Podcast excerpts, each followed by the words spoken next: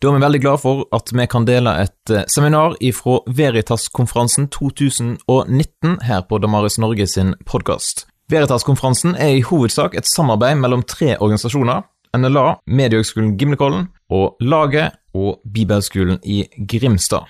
Og Vil du vite mer om Veritas-konferansen, så går du til veritaskonferansen.no. Her kommer dagens seminar. Thanks very much. Great. So, discipleship in 3D, and uh, you'll get uh, some idea of the three dimensionality of it from this subtitle of Change for Head, Heart, and Hands.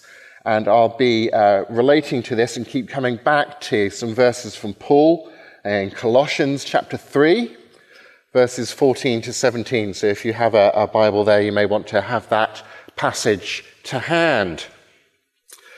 The American Christian philosopher Doug Groothuis says that Christianity makes claims on the entire person, the entire personality. He says accepting it is, as true is not just a matter of mere intellectual assent to uh, a worldview. Rather, it is about embarking on a, a whole new venture in life. Uh, in general, I think today's church doesn't talk enough or well enough about discipleship and what we might call spiritual formation.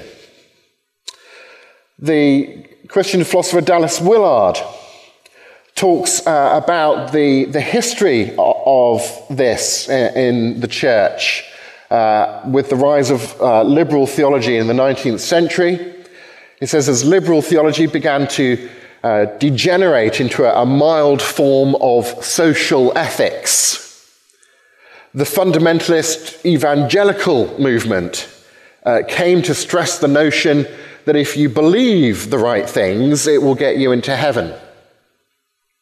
So, in an effort to preserve the faith, we came to emphasize that what really matters is what you profess. But this left believers very little help on how to actually enter into the life that Jesus himself modeled and taught. So you may know that Martin Luther uh, said that the history of humanity was like a drunkard falling off a horse, getting back on the horse, and falling off the other side. In a sort of overreaction to what's sometimes been called the social gospel. Uh, evangelicalism has sometimes overemphasized uh, the doctrinal aspect of Christian belief at the expense of the, the holistic, whole personality nature of Christian belief. But faith in Christ is holistic. Faith isn't about right belief so much as it is about right allegiance, faith in Christ, allegiance to Christ, allegiance and trust in Him. Now, that is a matter of both head and heart, and is inevitably engaged with behavior, with our hands, if you like.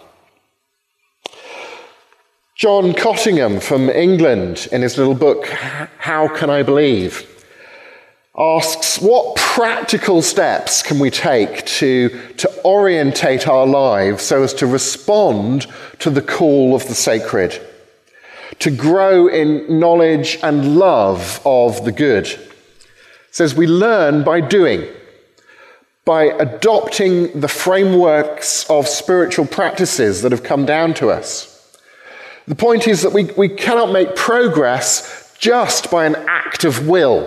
It's like, I'm going to try harder to be a good Christian. That won't work. However worthy the attempt is.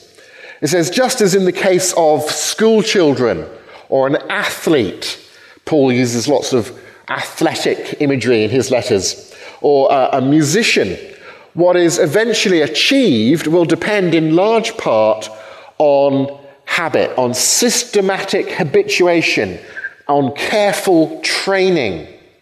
Becoming a religious believer will not be just an isolated mental act, but a long process of growth. So here's Paul in Colossians 3. And over all these, put on love, which binds everything together in perfect harmony. And let the peace of Christ rule in your hearts, to which indeed you were called in one body. And be thankful. Let the word of Christ dwell in you richly, teaching and admonishing one another in all wisdom, singing psalms and hymns and spiritual songs with thankfulness in your hearts to God. And whatever you do, in word or deed, do everything in the name of the Lord Jesus, giving thanks to God the Father through him. Uh, Vishal Mangalwadi's book, uh, uh, The Book That Made Your World, a fascinating uh, Eastern perspective on how the Bible shaped culture in the West. Uh, and I note that on the bookstall here, you have a Norwegian translation uh, of this book. Mangalwadi says that spiritual revivals in the West led to a mass awakening of reason Spiritual revivals led to a mass awakening of reason. And he quotes the historian Cedric Cowing, who says that in comprehending theological as well as devotional printed matter, the emotions stirred up by revivalists aided the development of cognitive skills in the general population. I think that is a fascinating perspective. Fascinating thing to point out. Back to what Paul says be thankful, the emotions stirred up by conversion and so on. Uh, let the word of Christ dwell in you richly, teaching and admonishing one another in all wisdom. Uh, an emotional reaction or an affective reaction to the gospel leading to thinking, teaching, wisdom. In Romans 12, Paul, of course, talks about, in view of God's mercies, how we should offer our whole lives, our, our bodies, as living sacrifices. He says that we should be transformed by the renewing of our minds. That's where the transformation uh, starts. Alister McGrath, in his recent book, Mere Discipleship, talks about Christian discipleship as a, a, conscious and committed decision to be followers of Jesus Christ in every way possible, including the way we think and love and act. And they have another three thinking, loving, acting. But why choose to follow Jesus? There's a lot of different answers one could give, but here's an answer from Dallas Willard that is surprising to hear. And then when you think about it, it's a bit surprising that it's surprising to hear this answer. This is an answer I think we should hear more often. Why follow Jesus? Dallas Willard says Jesus and his early associates overwhelmed the ancient world because they brought into it a stream of life at its deepest, along with the best information possible on the most important matters. Why do I want to follow Jesus? Because he is the person who has the best information about the most important things in life and modeled how to live in the light of that information. Indeed, early Christians didn't think of themselves or call themselves Christians. That was a pagan term that they later adopted. If you read passages like Acts 11:26 or 22:4, you discover that the Christians thought of themselves as followers of the way. Christianity is a way of life, a spirituality. but a way of life centered upon following Jesus Christ. Jesus, who said, I am the way, the truth, and the life. Christian identity stems from an ongoing commitment to a Christ centered spirituality or way of living. A way of living that involves moving from what you are to what you are meant to be in Christ over time. So Jesus says, uh, Place my yoke on you and learn from me, because I'm gentle and humble, and you'll find rest for your souls in Matthew 11:29. Salvation is by faith, by trust, allegiance in Christ, not by works, by earning it. But it is a faith that leads to works, that produces sanctification. Uh, Mark 8:34 Whoever wants to be my disciple says Jesus must disown himself must get rid of his self-centered way of life spirituality and take up his cross put to death that self-centered way of life by identifying with Christ in his crucifixion and follow me. Follow Christ adopt a Christ-centered way of life so, as Peter Kreeft, uh, it's interesting to note that he is a, a Catholic philosopher here writing in an essay called Justification by Faith, talking about Martin Luther. He says, in Christian Liberty, Luther explains that after the great liberation about faith, that we're saved by faith in Christ's work, not by our works. After that comes a great liberation about works. They need not be done slavishly to buy our way into heaven, to pile up merits or brownie points with God, but can be done freely, spontaneously, and naturally, out of gratitude to God, out of a recognition of what God has done for us. They can be done, and I love this phrasing. These works can be done not to get to heaven, but because heaven has already gotten to us. We do works not to get to heaven, but because heaven has already gotten to us. So, as philosopher Gordon Graham says, whereas the, the devout Jew tries to live by the law, and the devout Muslim follows, uh, strives to, to follow the teachings of the Prophet Muhammad. The disciple of Christ aims at something more, a, a mystical unity or being one with Christ. This implies a willingness to sacrifice self for life in Christ, to find your true self in Christ. Paul describes the way of Christian spirituality as a participation in Jesus' death and resurrection. In Romans 6, uh, verse 3, uh, if we have been united with him in a death like his, we shall certainly be united with him in a resurrection like his. Uh, read the whole passage from 3 to 23 for more context. But this spiritual communion between us and Christ, it, it appropriates and unpacks this, this communal, new covenant relationship of salvation and sanctification, a spiritual renovation of our lives that God offers in Christ to all humans.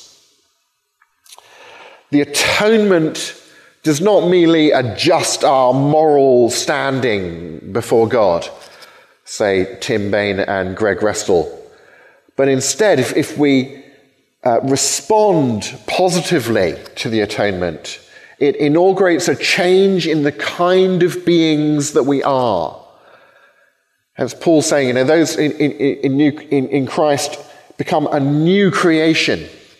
We get a new function and purpose and way of living. I like to quote from atheist thinkers when I can, when I agree with them, as well as when I'm criticizing them.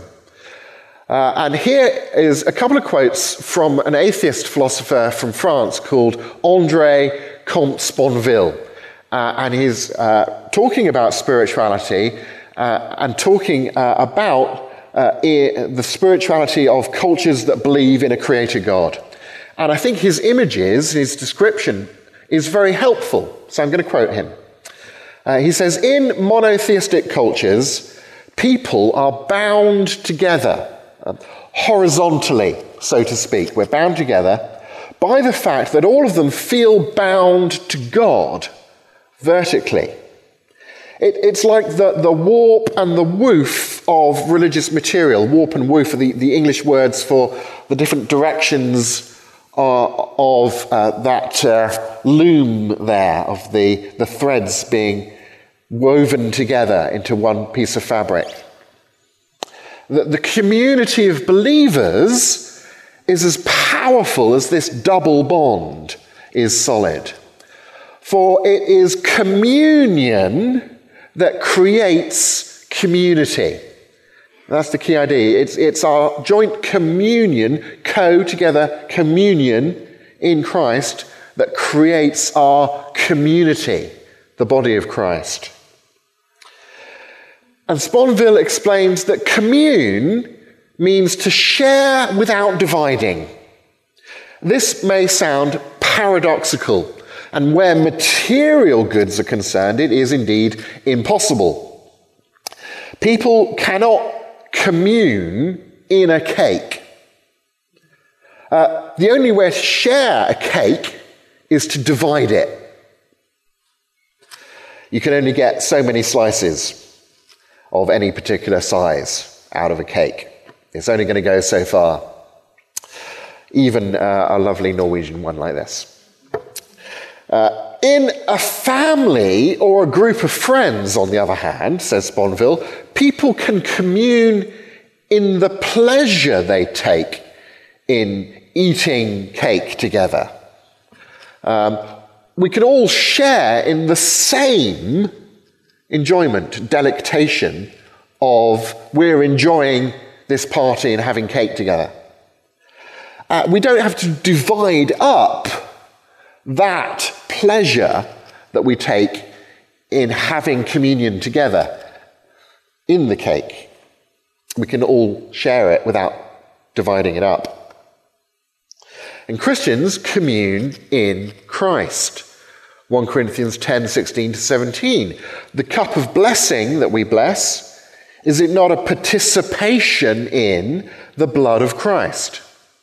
The bread that we break, is it not a participation in the body of Christ?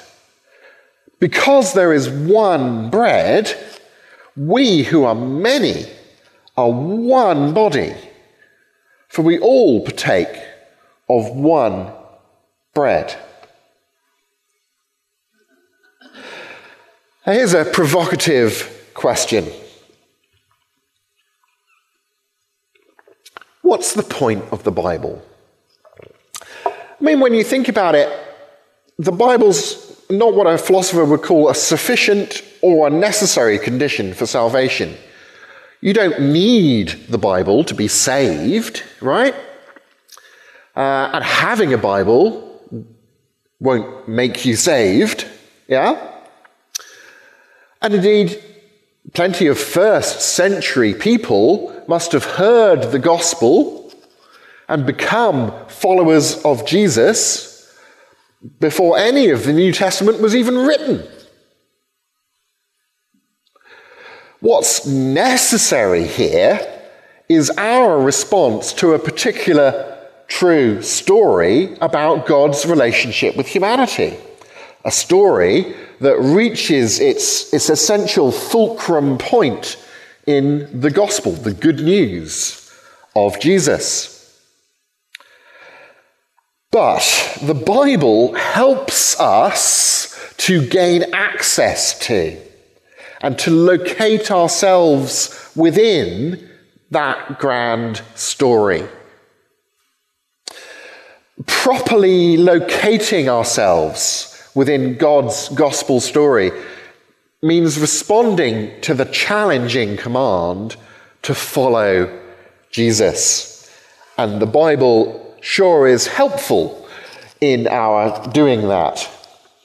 So, as Bishop N.T. Wright from uh, the UK says, the Bible is not simply an authoritative description of a saving plan, uh, as though it was simply kind of like an aerial photograph of a particular piece of landscape. It's more like a guide who takes you around the landscape and, and shows you how you can, you can enjoy it to the full. The Bible does what God wants it to do when, through the power of the Spirit, it enables people to believe in Jesus, uh, to follow Him, uh, to share in the work of the kingdom by loving Him with heart and mind and strength. The, the heart, the center of the Christian adventure in life is a Christ centered relationship with God that enables our spiritual development over time in the long term through the process of putting on Christ, as Paul says, Romans 13 14. As Paul Gooch explains, Christians embrace and inhabit a way of life within a set of divine and human relationships, that warp and woof of the community, characterized by faith and hope and love. And there's another three faith and hope and love. Uh, these threes all naturally go together. So, back to uh, our Colossians passage. Let the peace of Christ rule in your hearts. One way of expressing that would be to say, embrace the hope that you have in Christ. Uh, let the word, the logos, in the beginning was the word, the word of Christ dwell in you richly, teaching, admonishing one another with all wisdom. It's about faith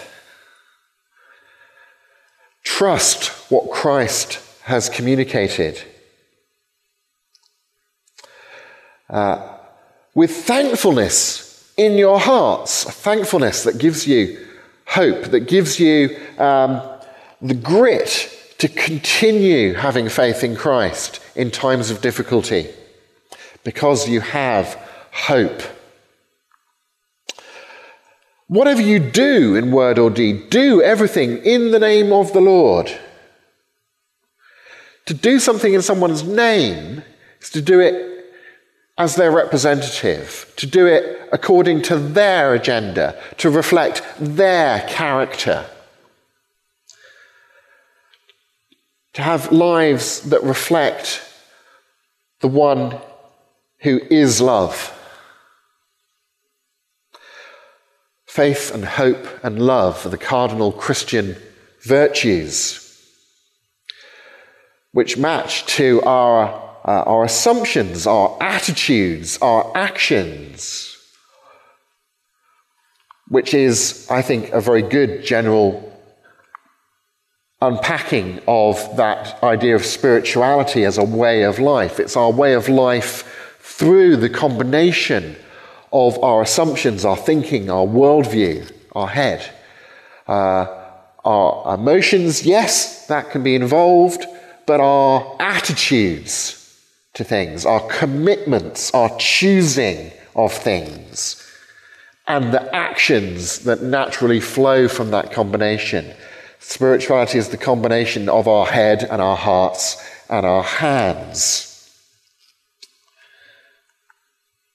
Jesus taught that true virtuous spirituality means loving God with all of your heart and with all of your mind and with all of your strength. Now, if you look in the synoptic gospels, you'll find that the, the quote is slightly different in the three different gospels, but they all, I think, basically conveying the same message, of course. And in every instance, it's clear that in that uh, incident reported there in the, the synoptic gospels, Jesus is referring back to the Old Testament teaching from Deuteronomy chapter 6, verse 5. McGrath again says, We cannot allow Christ to reign in our hearts if he does not also guide our thinking. says we're called upon as Christians to demonstrate and embody the truth, beauty, and goodness of faith. And there's another three.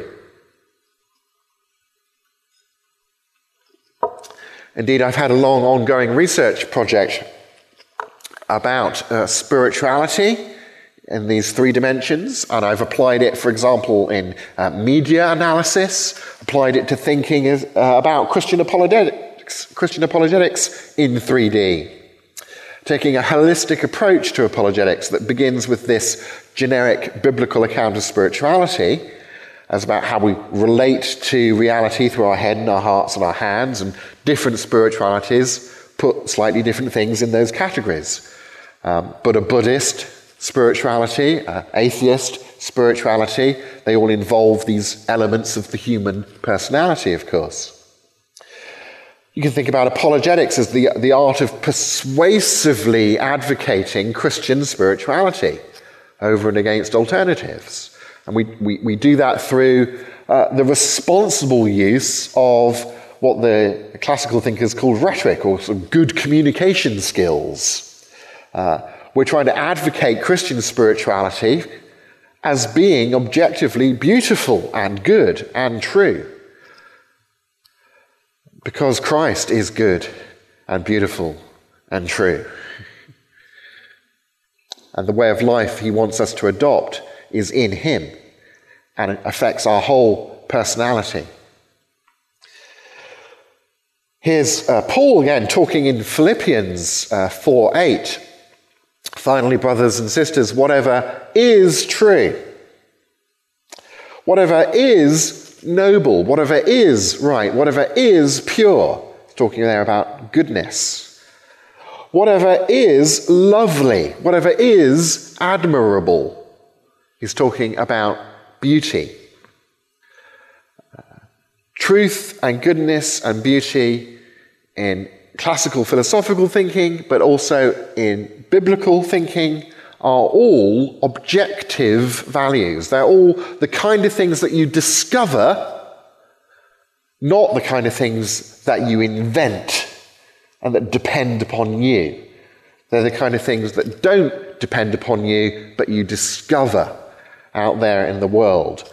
To say that is a beautiful rainbow is to say that it is true, that it is good, that you admire looking at that rainbow. You admire the aesthetic qualities of the rainbow, and that depends upon the rainbow being beautiful, not upon you thinking that it is. Your admiring something doesn't make it admirable. Whether or not it is admirable determines whether or not your admiration is appropriate or inappropriate. And here's Paul saying focus on what is true, what is good, what is beautiful. Paul Gould, in uh, this uh, recent book, Cultural Apologetics, uh, I recently published a, an article in Theofilos, the Gimlekollen Journal, uh, doing a review of this, uh, uh, comparing it also with a recent book by the Japanese Christian artist Makoto Fujimura, his book, um, Culture Care. And the, the books both resonate very much together and resonate with this approach to spirituality and apologetics in 3D. Gould talks about the three longings of the human soul for truth and goodness and beauty. We have these, these capacities in us that, that enable us to, to plug into the true and the good and the beautiful. Uh, these capacities of reason and conscience and the imagination. It says, reason guides us on the quest for truth. The conscience leads us to goodness. The imagination transports us towards beauty. All of them, of course, ultimately grounded in the nature, the character of God. So we can uh, slot in here. We have uh, spirituality of our head and our hearts and our hands. And our head includes our reason. And under the category of heart, we can put our imagination. Uh, and under the category of what we're doing, we're wanting to judge what we do through our conscience. But also, we, we get these uh, head, heart, hands elements communicated to people through a good communication, through logos, through argument, through words, through pathos, through uh, helping people to be uh, moved, to make different choices in life, uh, to uh, reflect what we're doing with our hands, the things we're judging by our conscience, uh, to judge people's ethos, people's character, uh, to judge these things, to find these things, these longings fulfilled by the transcendent values of truth and goodness and beauty. Where Gould begins with the three spiritual capacities, long, longings aimed at those transcendent values, I begin with this three part analysis of the person. Subjects have these qualities uh, that Gould describes, these capacities of longing. Uh, in people, they can function as, as potential pathways either to a, a spiritual shalom, to use the Old Testament phrase, uh, phrasing, uh, a wholeness, a flourishing of life found in relationship with Gould, uh, a way of life that, that integrates us as people, that pulls us together and gives us wholeness. Or they can act as potential paths to spiritual disintegration God says, as we embody habits that are motivated by misplaced desire, our characters deform.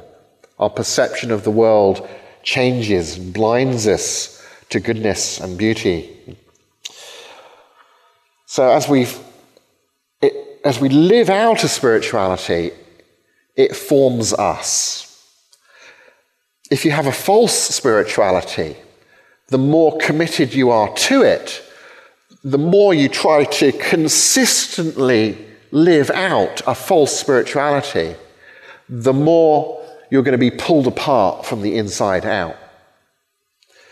But the more committed you are, the more consistently you try and live out a true spirituality, the more wholeness, the more shalom you will find in your life. Worship brings wholeness, brings integrity to our personalities as we worship God. As Kaldun uh, Swiss writes, worship brings together everything in my life under one united whole.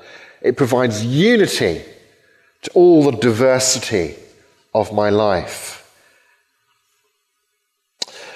Abbot Christopher Jamison, in his little book Finding Sanctuary, uh, about sort of the habits of life uh, as a monk uh, and how those habits might be useful for those of us who aren't monks.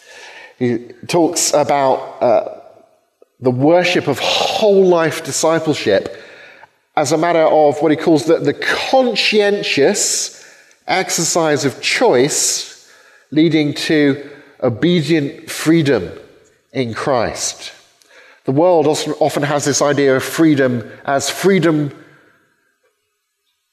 from, freedom from any restrictions upon what you want to do. Just do it. Do what you want. Express yourself. But freedom in the biblical sense uh, is freedom from slavery to sin, freedom to have a life that reflects the proper limits of the difference between what's right and wrong, what's true and false, what's good, uh, what's bad, what's uh, beautiful, what's ugly. The freedom to be released into a life that is progressively reflecting the truth and goodness and beauty of God.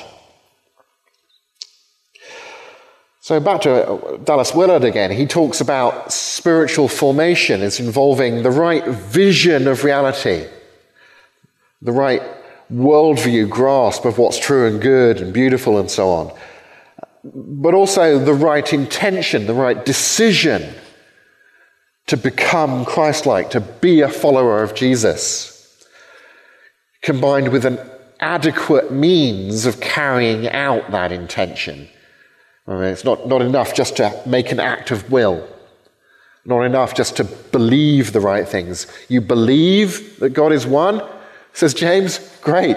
The demons believe that, you know? So it's the combination of the right headspace, uh, the right commitment, intention, choice, the right effective reaction to the work of Christ and an adequate means to carry out the intention of being his followers. And he points to the Christian spiritual disciplines as uh, helps, as means to the end of being Christ like. So, the, the, the, classical spiritual disciplines, uh, different people will give you different lists.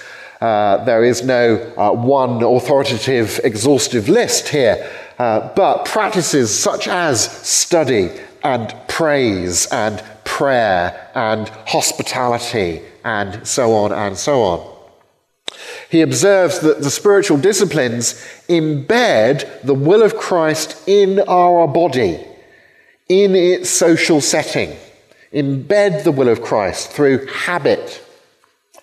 By intention, discipline, and grace, Integrity, wholeness, is restored to my soul and spreads throughout my life and through my life into the world and the culture and the people around me.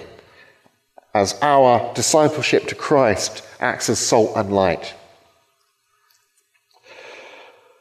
So, just talking there about uh, spiritual disciplines, back to Colossians 3, let the word of Christ dwell in you richly, teaching and admonishing one another in all wisdom. So, studying, uh, teaching, and so on. Singing psalms and hymns and spiritual songs with thankfulness in your hearts to God. Paul is talking about disciples being formed by spiritual disciplines. Uh, the NIV uh, translates uh, this key bit here teach and admonish one another with all wisdom through psalms, hymns, and songs. They're, they're connected together. Uh, Barnes' notes on the Bible notes uh, psalms and hymns will be to regarded as a method of teaching and admonishing.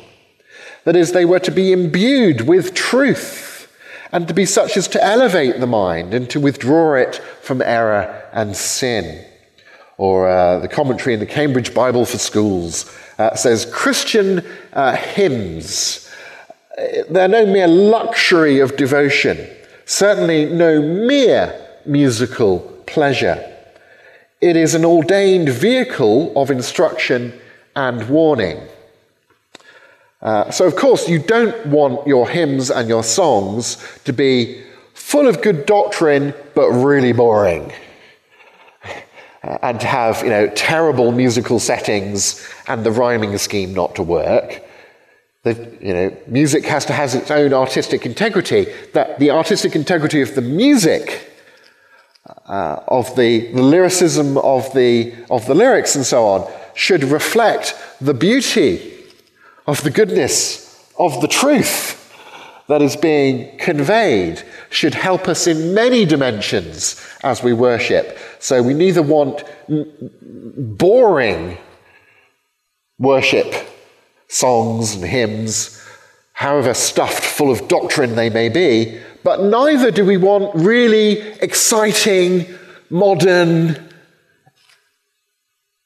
music that lacks any connection to the truth. Ideally, we want these things to be joined together because in Christ they are joined together, and in our lives we want them to be joined together. So we, uh, we end up with this big kind of uh, three by uh, many grid of these threes of spirituality, our spiritual capacities, our, our communication theory, uh, judging and fulfilling these things by the truth and beauty and goodness uh, growing from and to the, the cardinal Christian virtues of faith and hope uh, and love.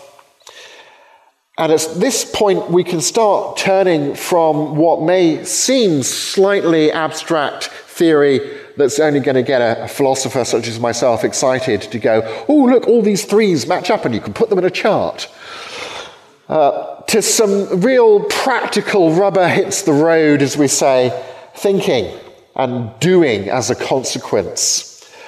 So, if we have these capacities of reason and imagination and conscience aimed at truth and beauty and goodness, we're trying to systematically orientate our spiritual capacities towards these transcendent values, but not just in an abstract kind of uh, Greek philosophy kind of a way, in a concrete, incarnated in the flesh. chili con carne, chili with flesh. God incarnated, God in the flesh of Christ, revealing, full of truth and grace and beauty. We're looking and thinking in terms of the truth of God displayed in Christ, who said, I am the truth the beauty of God displayed in, in Christ, who said, you know, I am the life, the goodness of God displayed in Christ, who said, I am the way to live. So we're orientating ourselves to the truth and goodness and beauty of God in Christ on the basis of a Christ centered spirituality so that we grow in Christ like faith and hope and love and that means engaging in Christian community and study and uh, worship in a whole life sense, in a praise sense, uh, in creativity, in hospitality, in giving, in all sorts. Uh, you may recognize the inside of uh, Trondheim Cathedral there. Uh, I got to see the outside a few years ago when I was a, a missioner up at uh, Trondheim Uni, but I didn't have the pleasure of, of having the time to go inside. So. We need to systematically ask and answer specific questions and encourage our congregations, our, our young people, our Sunday school at an appropriate level for them, you know where they are, but to start thinking in these terms of whole life discipleship, of combining our heads and our hearts and our hands for Jesus. You know, that's not a difficult message to communicate even to kids, yeah? But it allows you to start asking questions like, okay, how will I spend my money so that it reflects Christ? How will I spend my time? How will I make my decisions in life? How will I choose my career? How will I choose what university to go to, what course to study, whether or not to say yes to being someone's boyfriend or girlfriend, or to go out with my friends to that particular nightclub, uh, or, or whatever? How am I going to decide how to spend my time and my money and my uh, internal resources, how to direct my inner uh, desires for truth and goodness and beauty. How am I going to try and fulfill these things? In the Christ way or the other way?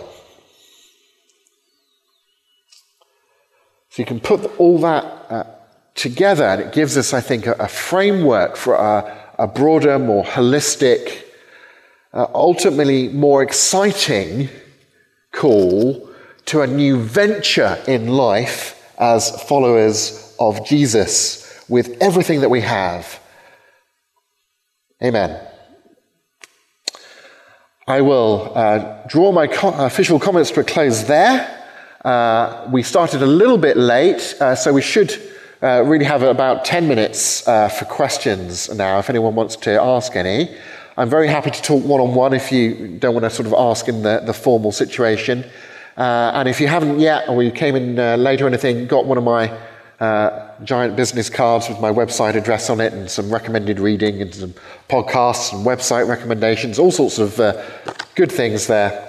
Uh, don't leave without one and uh, come and say hi. And thank you very much for coming. And I hope I've shared something uh, helpful uh, to you and yours. Tusen takk. Takk for at du lytter gjennom dette seminaret her. Og Skulle du ønske at flere fikk med seg det gode innholdet, ja, da kan du jo faktisk dele seminaret med noen, eller tipse dem om seminaret i sosiale medier. Vi setter jo veldig stor pris på om du har lyst til å skrive en anmeldelse av Damaris Norge sin podkast på de ulike podkastplattformene. Da hjelper det oss å løfte podkasten opp, sånn at flere får nytte av den. Jeg vil også nevne at eh, du kan ha mulighet for å kjøpe diverse bøker via nettsida snakkomtro.no, der flere av de som eh, var med på Veritas-konferansen, har sine bøker tilgjengelig der. Så sjekk ut Snakk om tro, og kjøp gjerne ei bok eller to.